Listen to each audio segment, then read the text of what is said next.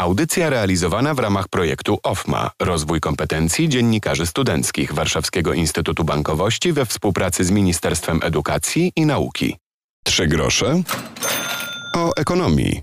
Piotr Ktypuliński, dzień dobry. Będziemy się dziś ostrzegali. Porozmawiamy też o pracy. Przypomnijmy, że niektórzy są na wakacjach i może pewnych telefonów nie powinni odbierać. Będzie też o naszej pewnej niechęci do zmiany pracy. Ale o tym wszystkim w najbliższych minutach. Zapraszam do wysłuchania trzech groszy o ekonomii. Zaczęliśmy od słowa ostrzeganie i na początek lekcja ekonomii. Od maja ubiegłego roku utrzymuje się rekordowo niskie nominalne stopy procentowe a rośnie inflacja. I to jeden z czynników, który zachęca Polaków do zaciągania kredytów, w tym długoterminowych, często nawet 30-letnich kredytów hipotecznych na cele mieszkaniowe. Większość tych kredytów nadal zaciąganych jest na zmienną stopę procentową. Przy decyzji o zaciągnięciu kredytu na długie okresy trzeba pamiętać o rosnącym ryzyku podwyżki stóp procentowych.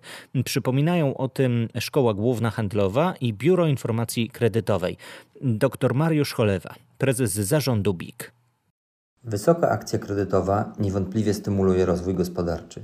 Należy jednak pamiętać o ryzyku stopy procentowej, która z aktualnie bardzo niskiego poziomu może w przyszłości zacząć rosnąć. Jej wzrost to w konsekwencji wyższe kwoty rat kredytów zaciągniętych w środowisku najniższych historycznie stóp procentowych.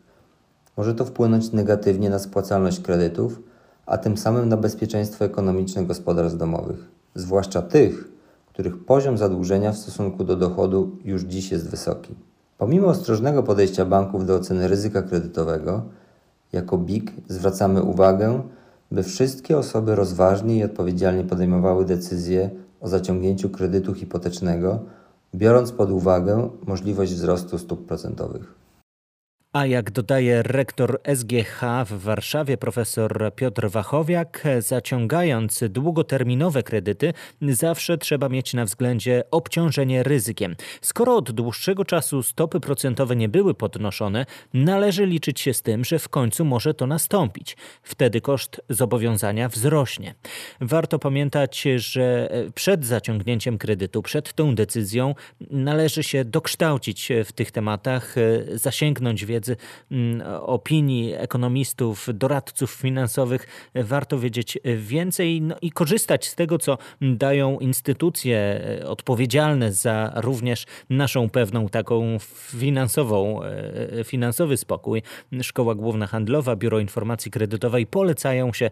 No i jeśli chcemy e, wziąć kredyt hipoteczny, powinniśmy te decyzje podjąć odpowiedzialnie i uwzględniać w tym wszystkim również ryzyko wzrostu stóp procentowych. Myślę, że to jest temat, który w przyszłości również rozwiniemy. Za chwilę będzie o naszych pieniądzach, o pracy i o tym, że nie każdy nie zawsze umie odpocząć.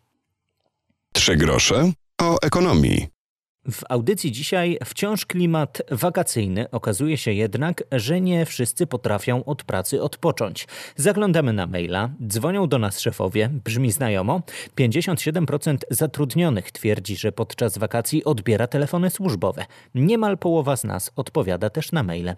Tak wynika z badania Randstad, o których mówi Mateusz Żydek średnio statystyczny Polak, polski pracownik, ma 10 e, dni zaległego urlopu z 2020 roku. E, I są takie grupy zawodowe, jak na przykład specjaliści, którzy znacznie przekraczają średnią e, w tym badaniu. To jest bardzo podobny wynik do wyniku z badania w 2018 roku. Poprzednio sprawdzaliśmy także to, jak bardzo Polacy są otwarci na wykorzystywanie urlopu. I tutaj okazuje się, że w zasadzie nie mamy żadnej zmiany. E, to o tyle zaskakujące, że duża część e, pracodawców e, w, w zeszłym roku zachęcała, czy otwierała, czy, czy możliwości korzystania z urlopów w związku z pandemią i wydawałoby się, że te zaległe urlopy raczej powinny zniknąć. E, tymczasem wciąż ten poziom jest e, taki jak w poprzednich latach. E, warto też zwrócić uwagę na to, że mm, Polacy nie do końca są w stanie odpoczywać od pracy w trakcie urlopu.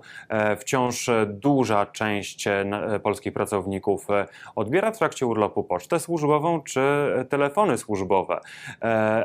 Warto też wspomnieć o, o tym, że czasami szefowie dzwonią sami z siebie, a czasami to właśnie pracownicy sami z siebie zaglądają do skrzynek pocztowych czy służbowych komórek. W audycji przyglądamy się rynkowi pracy. Badania rynku pracy po raz kolejny przeprowadził Randstad Polska. Pytaliśmy pracowników i pracodawców o zmianę pracy i ocenę pracowników w kwestii szans na zmianę miejsca pracy. Okazuje się, że maleje rotacja. Odsetek pracowników, którzy zmieniali pracodawcy w ostatnim czasie jest nieco mniejsza. Może to też oznaczać, że pracodawcy być może nie mają czym nas skusić do zmiany, stąd taki lekki spokój. Więcej o tym mówi Mateusz Żydek z Randstad Polska. Poziom rotacji e, także jest analizowany przez nas pod kątem e, tego, co staje się przyczyną takiej rotacji.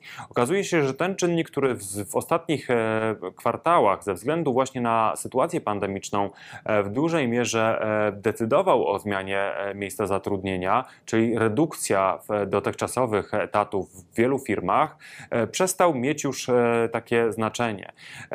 Mamy ogromny wzrost wynagrodzenia jako głównego powodu zmiany pracodawcy. 45% badanych e, wskazuje to jako właśnie powód rotacji, e, powód znalezienia nowego, nowej pracy. E, rośnie też znaczenie korzystniejszej formy zatrudnienia, takiej, która będzie kandydatowi odpowiadała, a trzecim czynnikiem są możliwości rozwoju zawodowego. To jest czynnik, który od jakiegoś czasu zyskiwał na znaczeniu, nieco słabł w okresie pandemii, choć myślę, że z perspektywy pracowników warto byłoby jednak docenić, docenić e, znaczenie tego czynnika, ponieważ to właśnie od możliwości rozwoju zawodowego oferowanych przez pracodawcę zależy nasza zawodowa przyszłość. To na ile będziemy mogli także w trudniejszych czasach, takich jak pandemia, e, znaleźć zatrudnienie i je utrzymać. W najnowszym badaniu widzimy wyraźnie, że e, uspokaja się taki poziom obaw o utratę zatrudnienia na e, rynku pracy.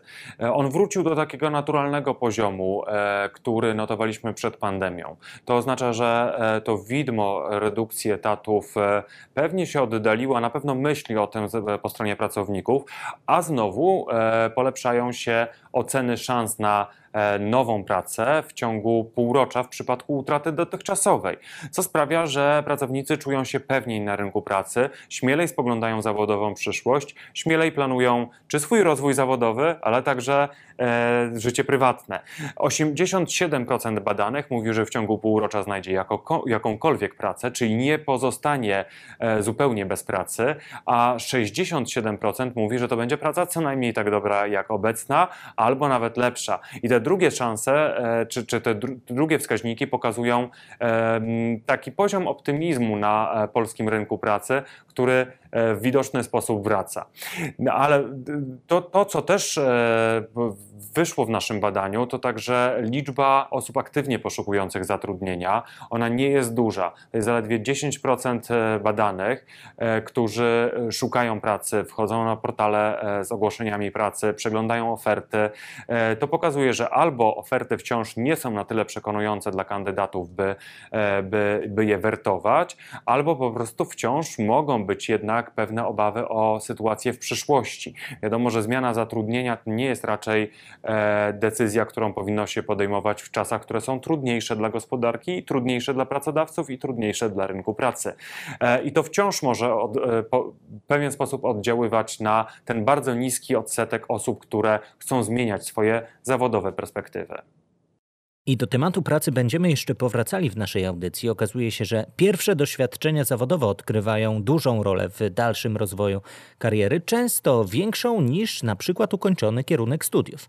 Tak wynika z najnowszych badań, o których porozmawiamy w kolejnej audycji. Już teraz zachęcam do obserwowania trzech groszy o ekonomii i naszej audycji i podcastu, który warto obserwować w Waszych ulubionych aplikacjach z podcastami. Trzy grosze o ekonomii co tydzień dostajecie nowy, świeży, gorący e, odcinek, w którym omawiamy tematy związane z gospodarką, z ekonomią, z cyberbezpieczeństwem. Niedawno rozmawialiśmy też o prawie, które stoi po naszej stronie, gdy podczas wakacji coś nie pójdzie tak, jak powinno być. Oczywiście odpukujemy i dzięki wysłuchaniu audycji będziecie wiedzieli, że z prawa możemy skorzystać. Istnieją instytucje, dzięki którym będzie nam łatwiej przejść przez formalności w staraniach na przykład o odszkodowanie czy reklamację. Oczywiście nie życzymy sobie takich sytuacji. Piotr Topuliński, do usłyszenia za tydzień. Audycja realizowana w ramach projektu OFMA Rozwój kompetencji dziennikarzy studenckich Warszawskiego Instytutu Bankowości we współpracy z Ministerstwem Edukacji i Nauki.